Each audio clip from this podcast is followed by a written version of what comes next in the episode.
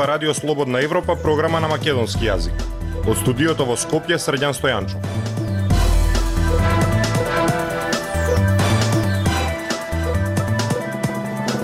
Ја слушате емисијата на Радио Слободна Европа, почитувани. Во неа објавуваме Извршител ја одлесни касата на Министерството за здравство за 2 милиони евра за долг стар 6 години. Владина помош за ранливите категории од наредниот месец. Неизвестно дали ќе бидат доволни за храна и грејење. Најавено ново поскапување на лебот. Слушајте ме. Независни вести и анализи за иднината на Македонија на Радио Слободна Европа и слободнаевропа.мк. Извршител ја олесни касата на Министерството за здравство за 2 милиони евра за долг стар 6 години за неисплатена дезинфекција по поплавите во Стајковци од 2016 година. Освен овие пари од почетокот на минатата година, Министерството платило околу 150.000 евра на извршители за 20 спорови. Министерството го тужат вработени во болници, компании и граѓани за лекарски грешки. Треба да се платат и пенали за раскинување на договорот за изградба на клиничкиот центар Мајка Тереза. Прилог на Зорана Гаджовска-Спасовска. Во услови на голема економска криза, за 2 милиони евра е полесна касата на Министерството за здравство. Во септември годинава Министерството толку пари дало за извршител, поради тоа што на Центарот за јавно здравје Скопје не му платиле навреме за извршена дезинфекција на Скопското село Стајковци по поплавата во 2016 година. Центарот за јавно здравје Скопје имено извршил дезинфекција и дератизација на поплавените подрачја две недели по поплавата, што се случи на 16 август 2016 година. Но за тоа не ги добиле договорените пари на време од Министерството за здравство. Затоа долгот си го наплатиле преку суд со извршител. Од Центарот за јавно здравје вела дека постапиле професионално за да го заштитат здравјето на луѓето во поплавениот регион и дека тоа го направиле според цените што им се дадени за тие услуги. Вината лежи во надлежните институции и во судот што постапката траела со години и што резултирала со тоа Министерството да мора да плати преку извршител. Долгот од 2 милиони евра е најголем долг што Министерството за здравство го оплатил на извршител во изминативе две години, но не единствен единствен.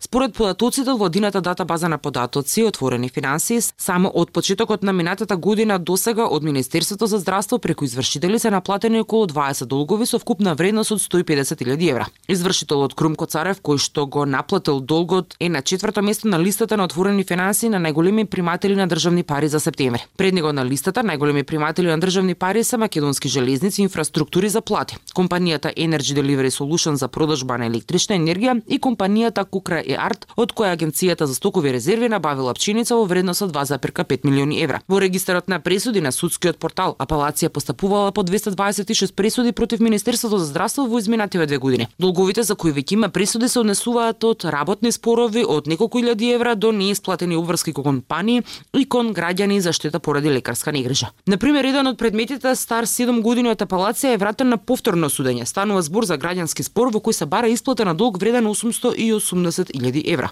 Дополнително, Министерството за здравство годинаве на мака тешко 8,5 милиони евра. Станува збор за пенали кои Министерството треба да ги плати кон италијанска кота компанија Инсо Системи поради раскинување на договорот за изградба на клиничкиот центар Мајка Тереза. Министерството се уште се консултира со правници како да го исплати долгот, но не соопштува многу детали. Договорот за изградба на нов клинички центар во Скопје во 2017 година го подпиша Никола Тодоров како технички министер. Тогаш беше најавено дека новиот објект ќе биде изграден за 5 години и ќе чини 72 милиони евра. Откако власта се премисли за локацијата на комплексот Мајка Тереза, Овој предмет се избриша од законот за задолжување. Сегашниот министер за здравство пред неколку месеци изјави дека не се откажува од проектот за нов клинички центар во Скопје, но работна група ќе одлучува меѓу три можни локации. Наши економски проблеми. Ние разговараме за решенија на Радио Слободна Европа. Мерките за парична помош на ранливите категории граѓани за справување со енергетската криза стигнаа во собранието. Парите ќе бидат исплатени следниот месец засебно од пензиите и другите исплати. Помошта е добре дојдена, но и натаму постои загриженост дали ќе биде доволна и за храна и грејење. Прилог на Владимир Калински. Штипјанката Гюлетмана Мустафова во моментов е невработена и прима социјална помош, откако минатата година ја загубила работата во фабрика за производство на чевли, а сега е ангажирана да извршува општо корисна работа преку Агенцијата за вработување. Иако живее сама, Таа вели дека е скапо да ги обезбеди основните прехрамбени производи во денот, како сирење домати, јајце или леп, а прашува како ли преживува четиричлено семејство кое треба да купи месо и други продукти. Еве, на пример, за ручек да зимаш едно кило месо, најефтино тоа е 450 денари а дека се другите додатоци. Вели Мустафова, владата го усвои предлог законот за финансиска поддршка на социјално ранливи категории и го испрати во собранието.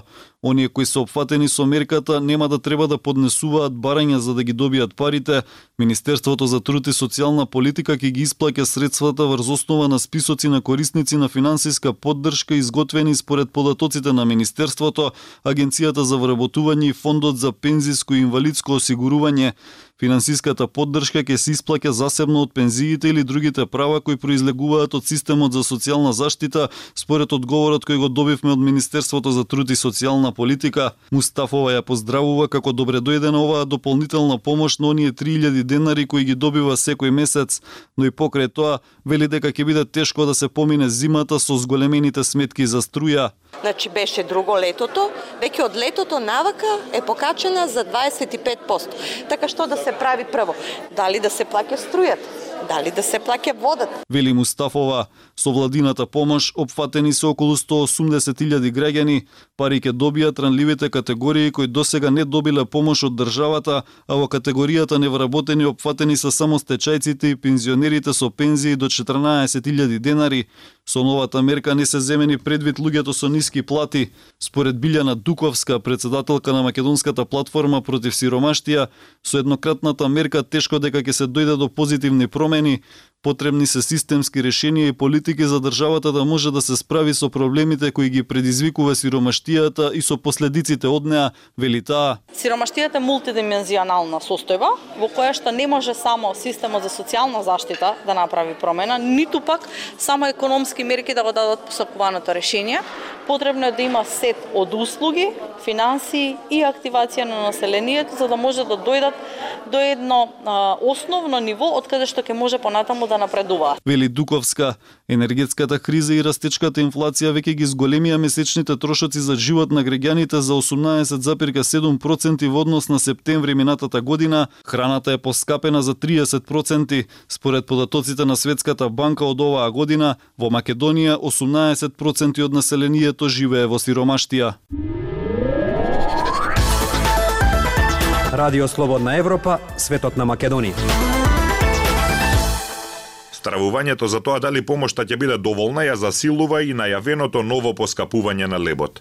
Мелничарите и пекарите најавија зголемување на цените за 10% ако државата не им обезбеди поевтина струја. Граѓаните се жалат на скапиот леб, а земјоделците дека ја продаваат пченицата за џабе. Јасмина Јакимова. Цената на лебот речиси да се удвои изминатата година, а најавите дека за еден месец тој ќе поскапе за дополнителни 10% ги вознемири граѓаните. Тие велат дека ако од нешто тешко може да се откажат, тоа е секако лебот, без кој не може да се замисли македонската трпеза. Па не знам дали може и од лебот да се скрати. Според стандардот и според примањата мислам дека е скап. Па за скап е скап, па да јадеме мора да јадеме. Се сноѓаме. И да се намали нема да се намали, факт. Се се крева, ќе се крене лебот и тоа е, ќе се навикнеме. Не може друго. Што ќе смениме? Според државната статистика, лебот и житата поскапеле за 48% во септември, ама впечатокот во маркетите е дека цената е уште повисока. Па така, во просек век на од најефтиниот бел леп кој тежи меѓу 400 и 500 грама, во големите маркети се продава за 50 денари. Истиот леп лани беше двојно поевтин. Ако во лебот има додадено некои семенки или малку интегрално брашно, цената е значително повисока, меѓу 65 и 100 денари. Најефтин бел леп успеавме да најдеме во пекара во Скопската населба Ченто, по 35 денари за векна, но како што забележуваат локалците, тој леп и најбрзо се троши. Енормното поскапување на лебот се правда со поскапувањето на струјата на светските берзи заедно со таа на пченицата. Директно влијание за ова имаше руската воена инвазија врз Украина, држава што важи за најголема житница во Европа. Неколку месеци по жетвата, тетовскиот земјоделец Мемет Синани е дециден дека не само што не произведовме повеќе пченица, туку таа за џабе е откупена од земјоделците. Па затоа вели дека тие што чуваат стока, пченицата сега ја користа за сточна храна, затоа што има иста цена со триците.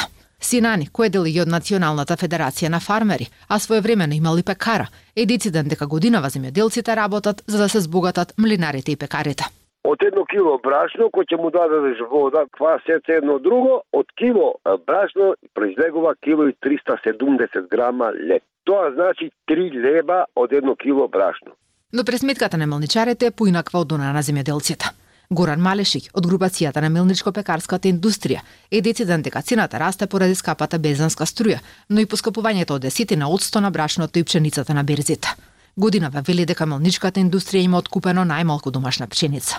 Па така, за пак да не поскапи лебот, барат од владата поевтина струја.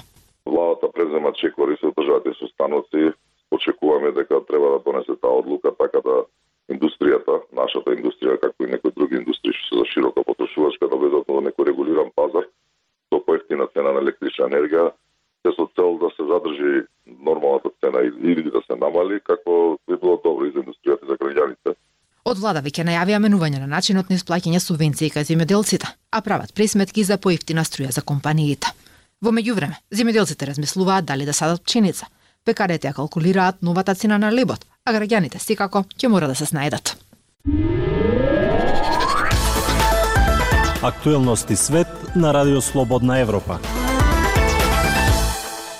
Како што непопуларната акција за мобилизација на рускиот председател Владимир Путин влезе во својата четврта недела, вреќи со посмртните останки на регрутираните почнаа да пристигнуваат дома. Тоа го зголеми незадоволството кај граѓаните поради процесот што изгледа дека е неорганизиран. Пренесува Гоце Атанасов. Руските власти на 13 октомври објавија дека петмина мажи од регионот на Урал, регрутирани кон крајот на септември, биле убиени во Украина, што е веројатно првата официјална потврда за смртни случаи на бојното поле меѓу мобилизираните. Еден ден подоцна во Москва беше одржан погреб на уште еден човек кој беше повикан во мобилизацијата, што ја нареди Путин на 21 септември. Ова доаѓа во време на широко распространети поплаки од регрутираните и нивните семејства за лошите услови во местата за мобилизација, вклучително и недостатокот на храна, опрема и обука. 36 годишниот Антон Борисов беше регрутиран кон крајот на септември и испратен на првите линии во Украина неколку дена подоцна тој брзо ја дочека својата смрт.